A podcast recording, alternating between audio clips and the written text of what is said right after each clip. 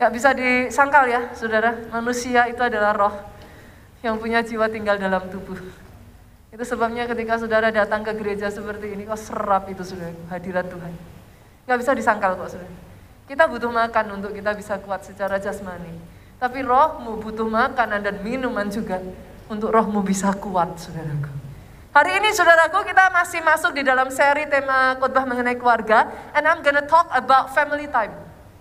Saya akan berbicara tentang waktu keluarga, family time. I think it's the right moment ya, saudara. Minggu depan kita sudah masuk uh, season long holiday.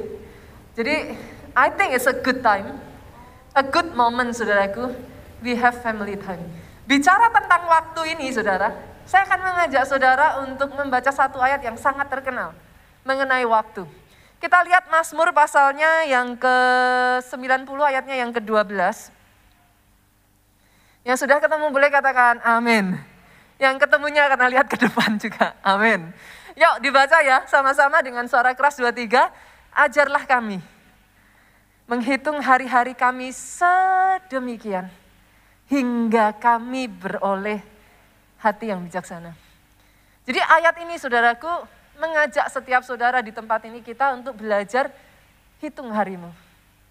Count your days. Supaya apa? Kita beroleh hati bijaksana. Saya akan mengajak saudara, sore ini saudaraku, coba yuk let's do a little calculation gitu. How old are you? Boleh saya tanya saudaraku? Sebagian dari saudara di sini, berapa usia saudara? How old are you? Kalau saudara membaca, mas, nah ini sudah dimunculkan, thank you multimedia. Dua ayat aja dari ayat yang tadi, saudaraku, saudara ke belakang, maka ayat ini berbicara seperti ini. Masa hidup kami 70 tahun, jika kami kuat 80 tahun, sampai di situ saja boleh ditutup multimedia. Kita ambil ini aja ya, saudaraku. Saya berdoa akan ada orang-orang di tempat ini yang diberikan Tuhan panjang umur bahkan sampai 100 tahun. Bahkan sampai seperti Musa 120 tahun, saudaraku. Panjang umur. Tapi let's say, saudaraku, katakan sesuai dengan ayat yang baru saja kita baca ini, saudara. Have you ever count?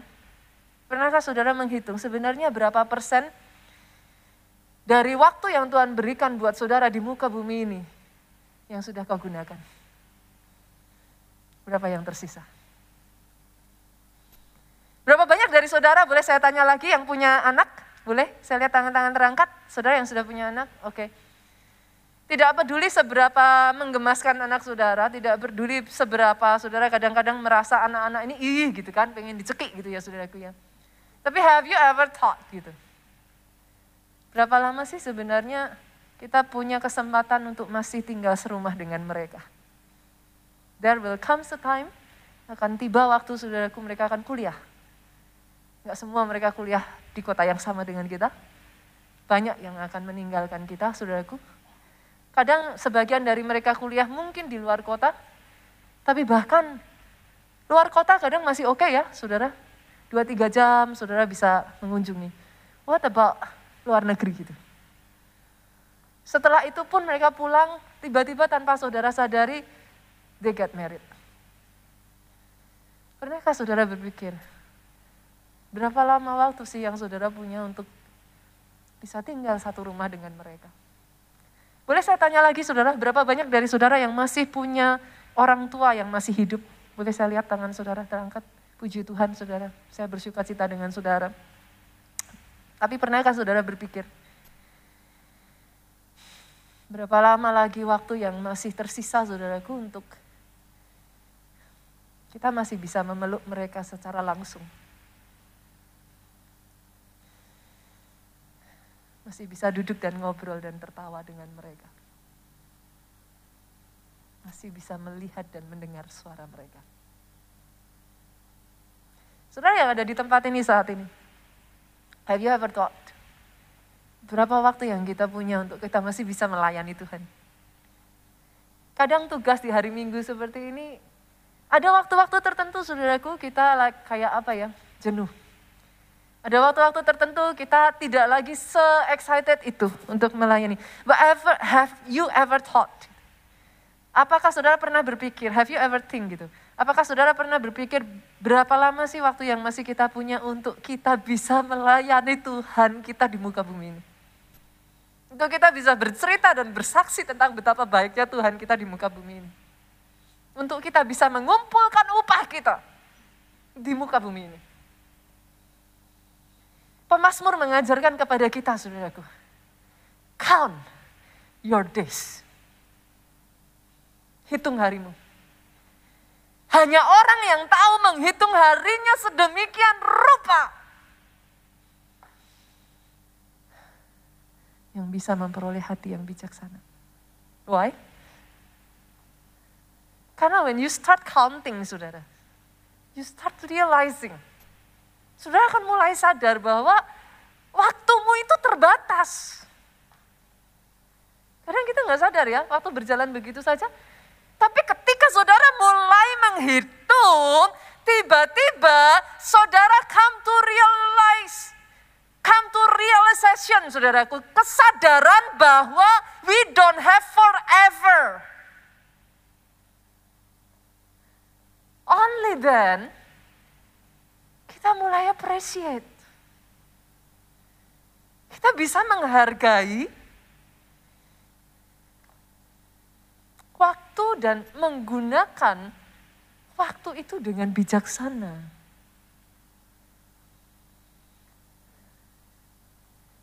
Otherwise, saudaraku, jujur ngomong, penghargaan akan waktu itu belum keluar, belum muncul. Sebagai gantinya akhirnya kita hidupnya sembrono. Suka-suka gue gitu. Tapi ketika saudara mulai belajar count your days. Hitung. Saudara akan mulai belajar menghargai waktu. Yang mengerti boleh saya dengar kata amin dari tempat ini. Karena jujur ya saudaraku, berapa banyak orang itu menghaburkan waktunya untuk melakukan hal-hal yang sia-sia. Tapi kalau sudah ditanya, selalu jawabannya, Pastor saya nggak punya waktu untuk doa. Pernah dengar itu sudah? Familiar ya? Pastor saya nggak punya waktu untuk ibadah. Pastor saya nggak punya waktu untuk melayani, apalagi saudaraku. Pastor saya nggak punya waktu untuk komsel. Apalagi saudara? Pastor saya nggak punya waktu untuk keluarga. Saya nggak punya waktu untuk mama. Saya nggak punya waktu untuk anak saya. Apalagi saudara? Saya nggak punya waktu untuk olahraga. Itu familiar ya, saudaraku familiar ya. Sehingga akhirnya banyak orang, saudaraku, mengacaukan waktu. Apa yang saya maksud Pak dengan mengacaukan waktu?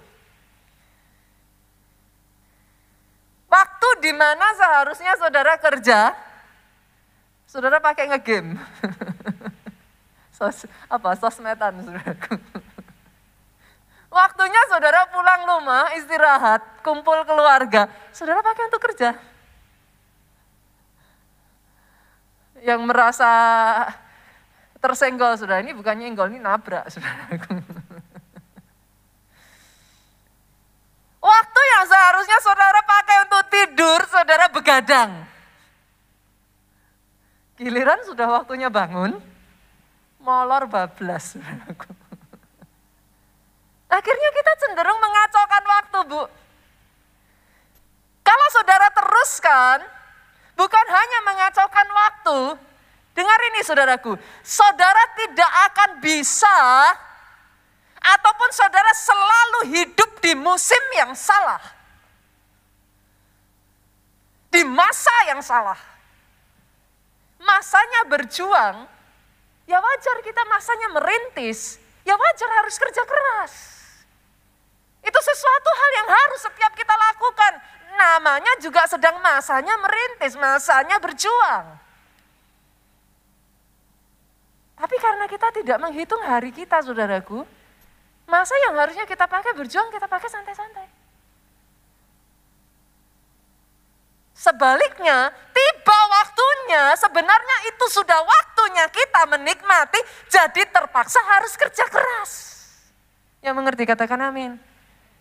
Gak bisa hidup di musim yang Benar gitu. Selalu salah masa. Berapa banyak saudaraku orang belum menikah, tapi sudah cepat-cepat kepengen melakukan hubungan yang hanya boleh dilakukan oleh suami istri. Ini saudara garis bawahi ya, saya mengkonseling banyak orang. Saya nggak tahu kenapa, tapi sering terjadi. Sebagai akibatnya ketika sudah waktunya memang menikmati hubungan suami istri, menikah saudaraku. Ada banyak yang konseling dengan saya. Nggak ada keinginan itu muncul. Kebalik-balik kan sudah jadi. Berapa banyak orang yang belum siap menikah, maksa-maksa pengen nikah. Gilirannya sudah nikah, maksa-maksa pengen cerai. Salah musim terus kan, saudaraku? Itu sebabnya firman Tuhan hari ini mengingatkan kepada setiap kita, come on. Learn to count your days. Pengkhotbah tiga, saudaraku, boleh dimunculkan ayatnya yang pertama mengatakan seperti ini. Untuk segala sesuatu ada masanya, saudara. Untuk apa pun di bawah langit ini, ada waktunya. Tapi manusia kan sukanya gitu kan, saudara. Dibalik-balik semuanya. Ayat yang ke-11 yuk kita lihat. Untuk ia membuat segala sesuatu indah pada waktunya. Bahkan ia memberi kekekalan dalam hati mereka. Tapi manusia tidak dapat menyelami pekerjaan yang dilakukan Allah dari awal sampai akhir. Alkitab dengan jelas mengatakan, saudaraku, untuk segala sesuatu ada masanya. Dan dia membuat segala sesuatu indah pada masanya. Hanya orang yang mengerti, yang belajar untuk menghitung hari, dia akan tahu kapan masa dan musimnya Pak. Karena dia tahu masa dan musimnya, dia tahu what to do. Di masa dan musim itu. Gitu. Tidak heran Alkitab mengatakan jadinya hidupnya itu indah Bu. Yuk hari ini ya saudaraku, firman Tuhan sama-sama mengingatkan kepada setiap kita. Hargai waktumu. Kadang ya Pak, kita tuh harus belajar loh. Pastor, susah loh Pastor menghargai waktu satu bulan itu. Berapa banyak dari saudara di masa pandemi ini merasa satu bulan itu berlalu dengan begitu cepat? Boleh saya lihat tangan terangkat? Hanya saya aja atau kayaknya tuh uh, lari gitu waktunya. Boleh turunkan tangan saudara. Tapi boleh dengarkan ini sudah. Belajarlah betapa berharganya arti satu bulan dari maafkan saya saudaraku. Orang-orang yang pernah difonis oleh dokter, masa hidup mereka hanya tinggal hitungan bulan. Then one month is everything. Kalau saudara mau tahu, bahkan berartinya satu menit, saudara. Saya pernah ngalami ini, saudara. Tanyakan pada orang-orang yang pernah tertinggal pesawat. Apa arti satu menit? Uh, itu nyeselnya sampai yang datang itu udah pintu tertutup, saudaraku. And you cannot do anything. Kalau saudara mau, pastor, apa sih artinya satu detik? Berlalunya cuma dek. Apa arti satu detik? Belajarlah tanyakan saudaraku pada para atlet yang sudah berlatih setahun penuh. Hanya untuk mendapati di akhir pertandingan mereka gagal menyabet medali emas dengan selisih waktu satu detik. Then you know precious it is. Doa saya hari ini, Tuhan anugerahkan itu dalam kehidupan saudara. Sehingga saudara menjadi bijaksana dan mengerti betapa berartinya waktu. Oh saya tidak mendengar kata amin yang keras dari tempat ini. Jadi atas hidupmu. Ketika kita berbicara tentang family time ya saudara. Suka enggak suka ya saudara. Saya harus katakan ini. Tidak bisa enggak saudara kalau kau mau keluargamu bahagia, Pak, harus alokasikan waktu untuk keluarga. Kalau saudara mau pernikahanmu bahagia, harus ada waktu pak. Untuk pernikahan saudara, untuk pasangan saudara. Yang datang suami istri, saudaraku, sekalipun di sini suami istri juga ada jarak-jarak, saudara. Yang datang suami istri, kalau saudara bisa senggol istri saudara. Bapak-bapak senggol istri saudara, katakan kepada istri saudara, mah kencan lagi yuk. Benar saudaraku, kencan lagi yuk. Honeymoon lagi yuk. Kapan terakhir kali Saudara jatuh cinta lagi dengan istri saudara, dengan suami saudara. Kapan terakhir kali saudara melihat mereka dan di dalam hati saudara bisa meleleh dan saudara benar-benar bisa yang ah, I love my husband, I love my wife. When is the last time? Kapan terakhir kali saudaraku Percakapan itu begitu menyenangkan sampai berjalan berjam-jam saudara nggak mau berhenti. Instead of percakapan yang selalu berakhir dengan pertengkaran. Udah ngalami saudara? Ngobrol kok pak. Endingnya pasti bertengkar aja pasar percuma. Akhirnya jadi nggak ada percakapan di sana. Tahukah saudara, Bicara soal alokasi waktu ini ya saudaraku, ada sesuatu kisah yang sangat tragis. Dari seorang raja besar. Raja yang terkenal saudaraku, dengan kebijakannya, dengan hikmatnya. Tapi karena gara-gara satu hal ini aja saudara. Kerajaannya runtuh, jatuh.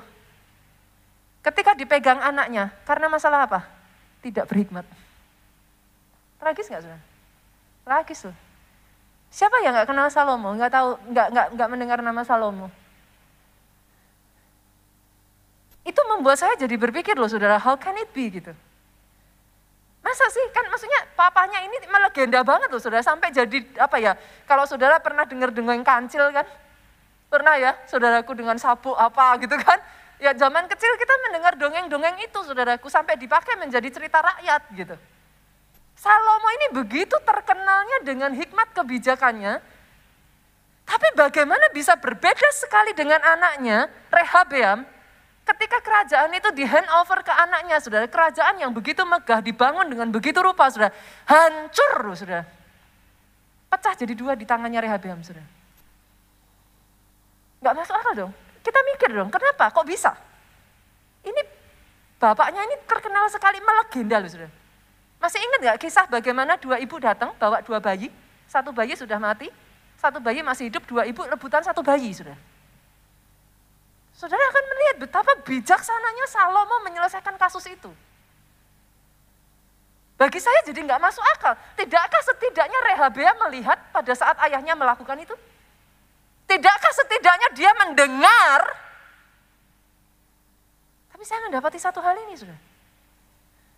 Karena kurangnya alokasi waktu. Gak ada alokasi waktu. Tidak ada waktu duduk bersama dengan anak-anak, ketawa bersama, cerita bersama. Tidak ada waktu di mana Salomo menceritakan gini loh, langkahnya gini loh, ini loh yang harus kamu lakukan. Impartasi tidak terjadi Pak. Akhirnya karena Rehabiam gak dapat impartasi dari bapaknya, dia dapat impartasi dari siapa saudara? Zaman dulu, para pangeran, para putri, saudara, mereka tuh selalu dikasih temen dari bujang yang masih kecil. Itu selalu ditemenkan sama mereka, saudara. Dengan satu tujuan mereka supaya nggak kesepian. Saudara tahu nasihat siapa yang didengarkan Rehabiam? Nasihat bujang muda yang tidak berpengalaman ini, saudara. Dan karenanya satu kerajaan pecah menjadi dua. Maafkan saya, saudaraku. Adakah saudara mengalokasikan waktu untuk istrimu? Untuk suamimu? Untuk anakmu? Jangan nanti tiba-tiba banyak orang ngomong gini, kok bisa ya? Saya nggak pernah didik anak saya begitu. Loh lah masalahnya dapat impartasinya dari siapa saudara? Mungkin saudara nggak pernah didik begitu. Lah tapi dia dapat impartasi dari siapa? Apakah cukup alokasimu sehingga itu impartasi turun atas hidupnya? Satu studi mengerikan sekali sudah. Ketika saya membaca studi ini saya kaget. Dilakukan oleh University of Michigan terhadap 1.500 keluarga. Di Michigan otomatis saudaraku. Dari 1.500 ini saudaraku, keluarga ini mereka mendapati satu kesimpulan.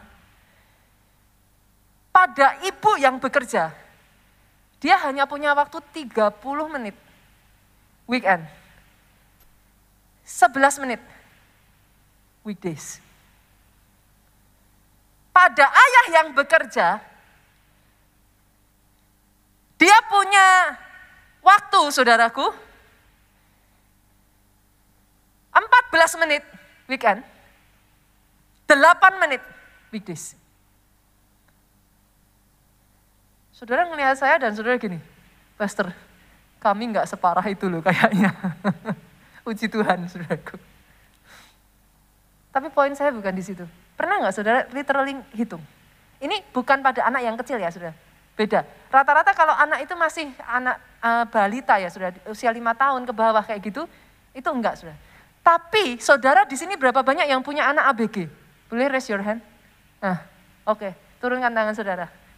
Jujur, cek. Pernah enggak saudara kayak firman Tuhan, hitung waktu. Dalam satu hari, berapa waktu yang benar-benar you spend with them? Poin saya saudara, jangan kaget kalau kau tidak punya waktu mengalokasikan itu dengan mereka, impartasi yang terjadi, ya tergantung. Mereka selama waktu-waktu itu dengan siapa? School friend? Maaf saudaraku, ART saudara? Dengan siapa? Hari ini saya berdoa ya saudaraku. Saya sungguh-sungguh berdoa. Pembukaan ini turun atas kehidupan saudara bahwa dibutuhkan alokasi waktu. Dan ketika saudara mengalokasikan waktu itu, ingat ini baik-baik saudara. Alokasi waktumu untuk keluargamu sama dengan equals, sama dengan investasi waktu. Saya garis bawah ya saudara. Alokasi waktu, ketika kau alokasi dengan keluarga, itu bukan buang-buang waktu. Pastor, buktiin. Oh, gampang buktiin sudah. Karena dia investasi, wait, mungkin nggak instan, tapi pasti ada hasilnya. Buktikan kata-kata saya. Karena dia investasi, dia bukan buang waktu, wait, mungkin nggak instan, tapi definitely saudara bisa rasakan hasilnya. Saya bersyukur saudaraku dalam kehidupan saya dan Pak Jo dalam hal ini saya dan suami saudara orang tua kami berdua itu jadi satu sosok figur contoh yang apa ya dulu saya nggak ngerti sudah. Dulu saya nggak terpikirkan. Kenapa mereka melakukan itu? Mami saya papi saya dua-duanya itu bekerja sudah. Jadi mereka tuh ya sibuk sudah. Kalau mau dibilang sibuk mereka sibuk. Kalau dibilang pastor itu apakah selalu ditemani orang tuanya? Enggak gitu. Tapi tahukah saudara setiap pagi hari anak-anak persiapan sekolah, mami saya itu selalu menyempatkan bangun, sudah. Nyiapin makanannya anak-anak. Duduk di meja bersama anak-anaknya. Makan bersama anak-anaknya. Ngobrol dengan anak-anaknya. Dulu saya nggak ngerti itu. Pulang dari sekolah, saudaraku. Pulang dari kerja. Kita, saya satu keluarga itu tiga cewek semua, saudaraku anak uh, mami saya itu tiga cewek semua. Saya tuh sering saudara, apa sih? Kalau orang Solo bilang desel-desel. Jadi saya tuh suka masuk kamarnya mami saya saudara. Nanti deket-deket gitu tiduran aja dan di situ ngobrol. Kamar mami saya itu kamar yang selalu open untuk anak-anaknya. Anak-anak menjadikan kamar mami saya ini tempat yang paling menyenangkan. Dia will talk, talk, talk, talk. Tidak ada hal yang saya sembunyikan dari mami saya. Dulu saya nggak ngerti, saudara. Tapi tanpa terasa di situ ada guidance. Mami saya mulai ngomong, ah, cuman ngomongan, apa sih omongan mak-mak tuh loh saudara. Ah, cewek, eh, cowok model kayak gitu tuh jangan mau jadi pacar cowok model kayak gitu. Cowok ngomongannya tuh simple gitu.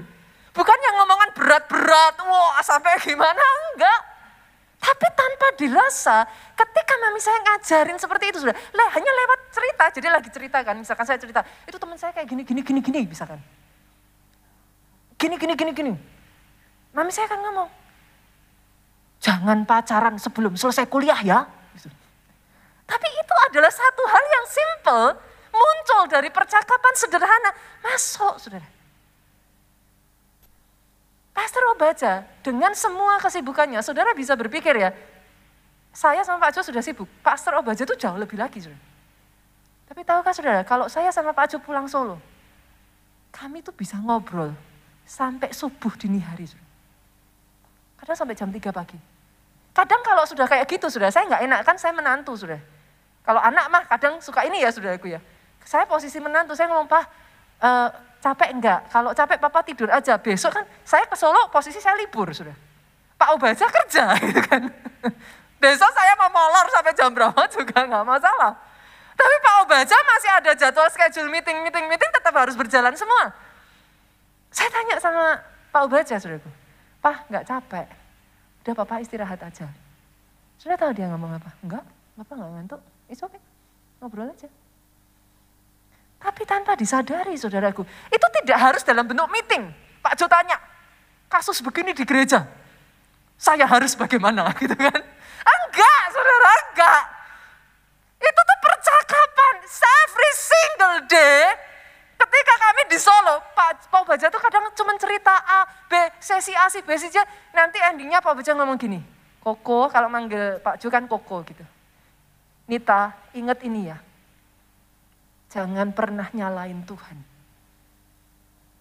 Jaga hati harus tetap benar di hadapan Tuhan. Itu simple. Enggak duduk di depan Zoom meeting dua jam. Enggak, saudara. Itu cuman kayak sambil makan kaca. Ngobrolnya juga kalau orang Jawa bilang, orang Solo bilang tuh ngalor ngidul gitu saudaraku. Enggak jelas juntrungannya, ngomong cerita ini, cerita itu. Tapi impartasi terjadi di sana. Para orang tua, halo. Do not underestimate this.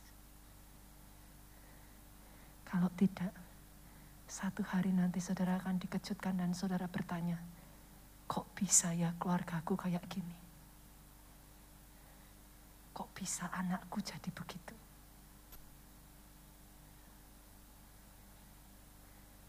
Dan ketika saudara mengalokasikan waktu ini, saudaraku, make sure. Bangunlah satu memori yang menyenangkan. Have fun. Kadang banyak, banyak kita tuh ya saudara yang jadi masalah saya, kenapa saya bisa cerita ini kepada saudara? Saya pernah nyesel saudara. Saya pernah ditegur Tuhan.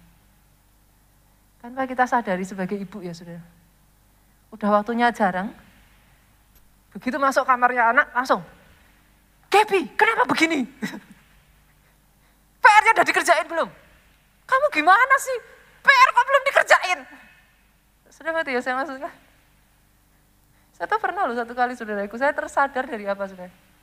Tiba-tiba anak saya yang kedua tuh gini. Mom, are you still gonna belong in my room? Masih di kamar saya lama enggak? itu kurang apa ya sudah tanda kutip saya diusir halus saudaraku. sudah mengerti yang saya maksudkan? Bagi anak-anak kita, kadangkala kalau kita nggak hati-hati, justru kita nggak ada di rumah, mereka bilang haleluya puji Tuhan. Jangan sampai itu terjadi, saudaraku. Bangun memorable. Saudara nggak bisa create waktu. Nggak bisa. Setiap kita manusia hanya punya 24 jam sehari. tujuh hari seminggu. Tapi you can create memory. Itu sangat bisa, saudara. Saya masih ingat, saudara, satu ketika saya ngobrol dengan anak saya Jessica yang paling besar. Dia itu tanya sama saya. Hal simpel loh, saudara. Hal sangat simpel sekali. Mom, Jessica tuh Cici, dia kalau saya panggil kan Cici. Cici itu umur berapa ya, Mom? Kok Cici itu ingat waktu dulu Mom pernah ajak Cici tengah malam keluar bertiga sama Dedi makan burger. Saya kaget sudah. You still remember saya tanya gitu. Sudah tahu itu umur berapa? Dia itu baru umur 2-3 tahun sudah. Jadi satu hari, itu saya masih di Jogja. Dia tuh nggak bisa tidur sampai jam 11 lebih. Itu saya udah mau uh, gitu kan. Dari tadi ditemenin tidur, saya tidur sama dia dari jam 8 sampai jam 11 lebih nggak tidur sudah. Uh, itu rasanya di hati saya tuh udah kamu cepet tidur habis ini mami harus ngerjain ini ini ini ini, ini gitu kan.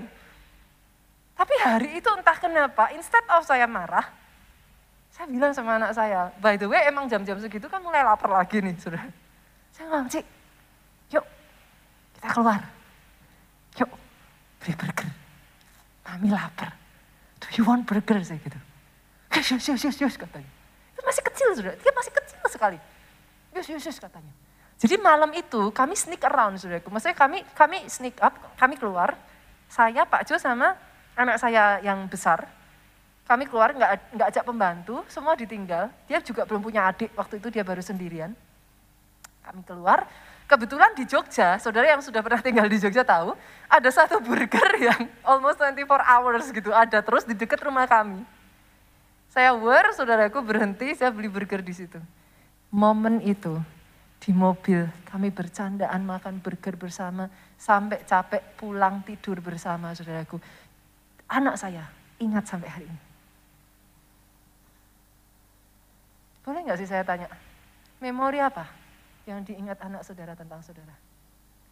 Papahnya selalu nggak ada, mamahnya selalu marah. Atau ada memori-memori yang itu so sweet. One day tidak ada di antara kita yang abadi ya Pak. We will go back to heaven tapi kita tinggalkan memori itu buat mereka. Dalam hal ini ya saudara, pemain musik boleh maju ke depan. Tuhan kita, itu Tuhan yang paling keren. Untuk yang satu ini. Masih ingat dong setelah Yesus disalib? Pada hari ketiga dia bangkit. Coba bayangin aja saudara.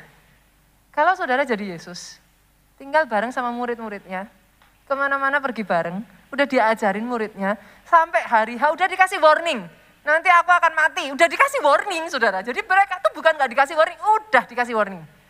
Tiba harinya, deng-deng, Yesus disalib. Eh, kabur semua tuh saudara. Yang tinggal cuma satu Yohanes sama mamanya Yesus. Kalau saudara jadi Yesus loh, sudah bangkit, punya waktu 40 hari, ketemu muridnya satu-satu diapain saudara. Cita ini satu-satu saudaraku. Nah orang gak ada yang tinggal saudara di bawah salib Yesus itu cuma Yohanes sama mamanya Maria. Itu kalau saya jadi Yesus ya mangkel loh saudaraku. Yang satu menyangkal nama Yesus, Petrus kan.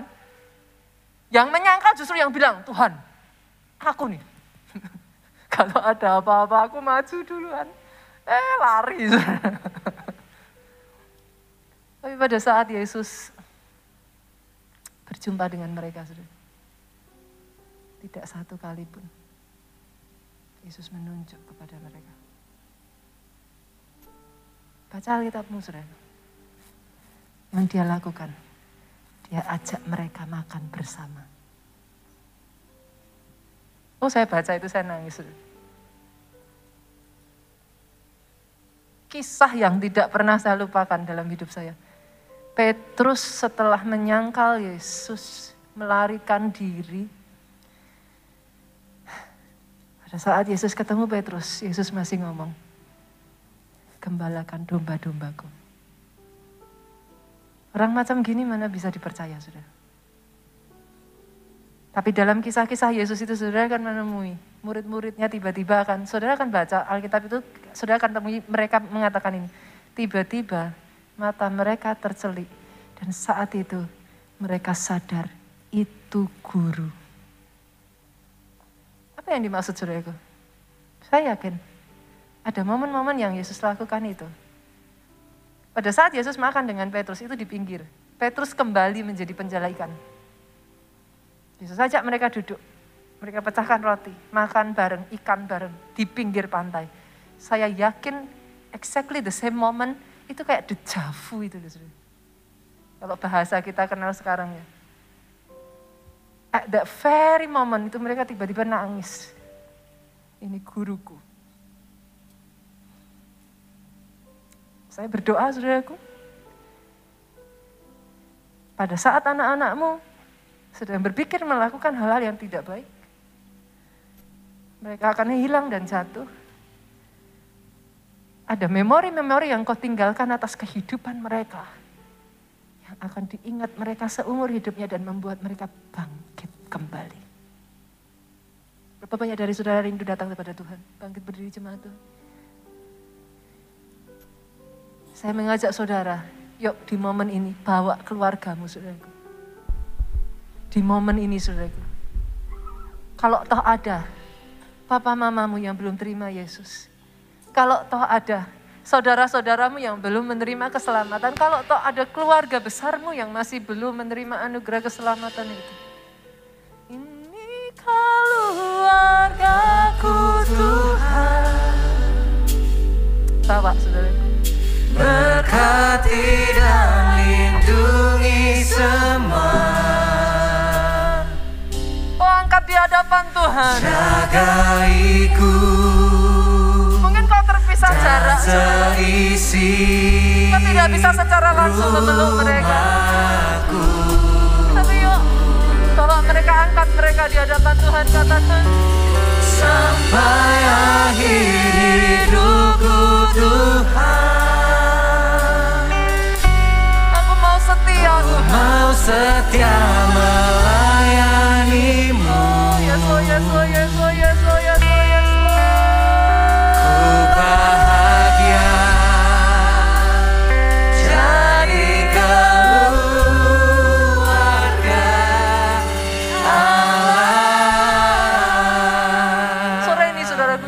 Menyatukan hati, kita akan masuk di dalam perjamuan kudus. Saudara boleh persiapkan roti dan anggurmu. Tapi ketika engkau mengambil, engkau partek, engkau mengambil bagian di dalam perjamuan kudus ini, saudaraku. Ketika kau mem memecahkan roti itu, kau minum anggur itu, selalu ingat saudaraku, keluargamu adalah tanggung jawabmu. Come on, satu keluarga diselamatkan seisi rumah tangganya menerima anugerah keselamatan. Darah mereka ditanggungan atas kita saudaraku. Pada saat kita partek bersama tubuh dan darah Kristus ini saudara. Bawa keluargamu. Bawa saudaraku. Satu demi satu saudara di hadapan Tuhan. Bahkan saat ini Tuhan. Kami angkat roti ini di hadapanmu Kuduskan dan sucikan kami angkat anggur ini di hadapanmu. Biarlah roti dan anggur ini membawa kami manunggal dengan Engkau Tuhan. Amin. Amin. Jesus. Pakai Tuhan. Ketika kami menerima roti dan anggur ini, kami tahu kuasa darahmu, kuasa bilurmu itu mengalir atas kehidupan kami Tuhan. Amin. Saudaraku angkat tinggi-tinggi. Roti itu di atas tangan kanan saudara. Malam sebelum dia menyerahkan dirinya, dia mengambil roti itu, saudaraku. Sesudah itu dia mengucap syukur ke atasnya, memecah-mecahkannya dan dia berkata, ini tubuhku yang diserahkan bagi kamu sekalian. Tubuh itu sampai hancur, saudara. Perbuatlah ini menjadi peringatan akan aku dan selalu ingat ini. Tubuh yang hancur itu menyisakan bilur-bilur dan Alkitab mengatakan oleh bilurnya engkau sembuh. Amin. Hari ini aku berkatakan setiap sakit penyakit. Oh, setiap sakit penyakit yang ada di dalam tubuhmu saat ini. Engkau yang bahkan saat ini tidak ada di tempat ini, di mana pun engkau berada. Pada saat tubuh ini, roti ini, masuk ke dalam tubuhmu. Sakit penyakitmu disembuhkan. Amin. Terima dengan Amin. iman, saudaraku. Makan dengan iman di dalam nama dalam Yesus. Nama Yesus.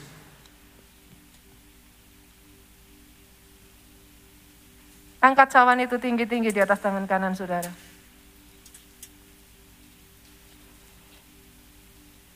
Demikian juga ia mengambil cawan itu sesudah ia makan lalu berkata, cawan ini adalah perjanjian baru. Yang dimeteraikan oleh darahku, perbuatlah ini setiap kali kamu meminumnya. Menjadi peringatan akan aku, cawan yang saudara angkat, darah itu saudaraku Di dalam darah mengalir kesembuhan. Di dalam darah ada kuasa. Amin. Amin. Kuasa yang membawa engkau dari kegelapan masuk pada terangnya yang ajaib. Kuasa yang menguduskan dosamu. Amin. Yang merah seperti kermisi sekalipun menjadi putih seperti salju. Amin. Kuasa yang mendatangkan kesehatan ilahi, kesembuhan ilahi atas ini. Terima dengan iman saudaraku di dalam nama Yesus. Nama Yesus.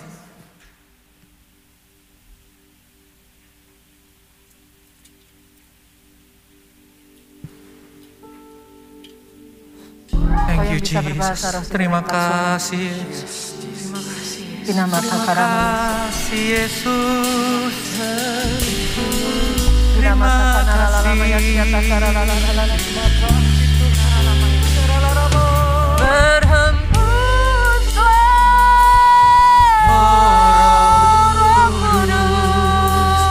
Pulihkan setiap hati. Kuasa pemulihan itu mengalir saat ini. Satu demi satu.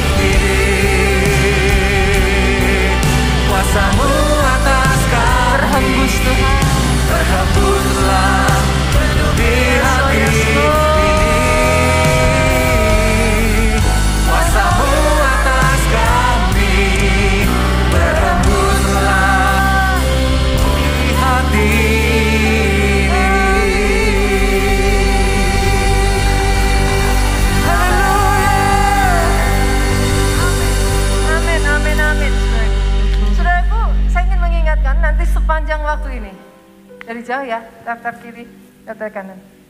Spend time dengan keluargamu ya. Bahkan kalau mereka jauh pun, call them. At least say thank you buat orang tuamu. At least dengan keluarga intimu, ambil waktu. Tapi di tengah-tengah minggu ini saudaraku, di tanggal 13, kita akan merayakan satu hari yaitu kebangkitan Tuhan Yesus.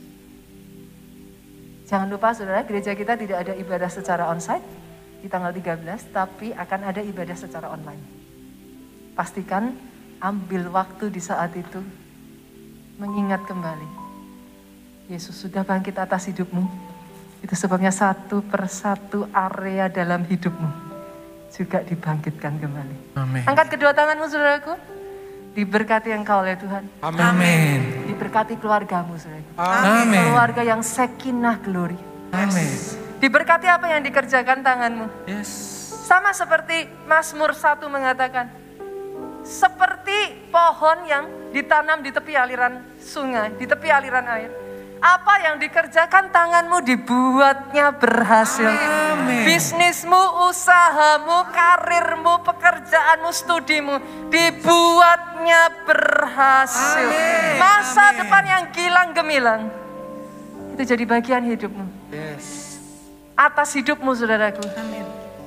Umur yang panjang, sehat, sesehat sehatnya. Amin. Diberkati pelayananmu, diberkati kesaksianmu. Yes. Pulanglah dengan membawa sukacita, damai sejahtera Allah Bapa melimpah atas hidupmu.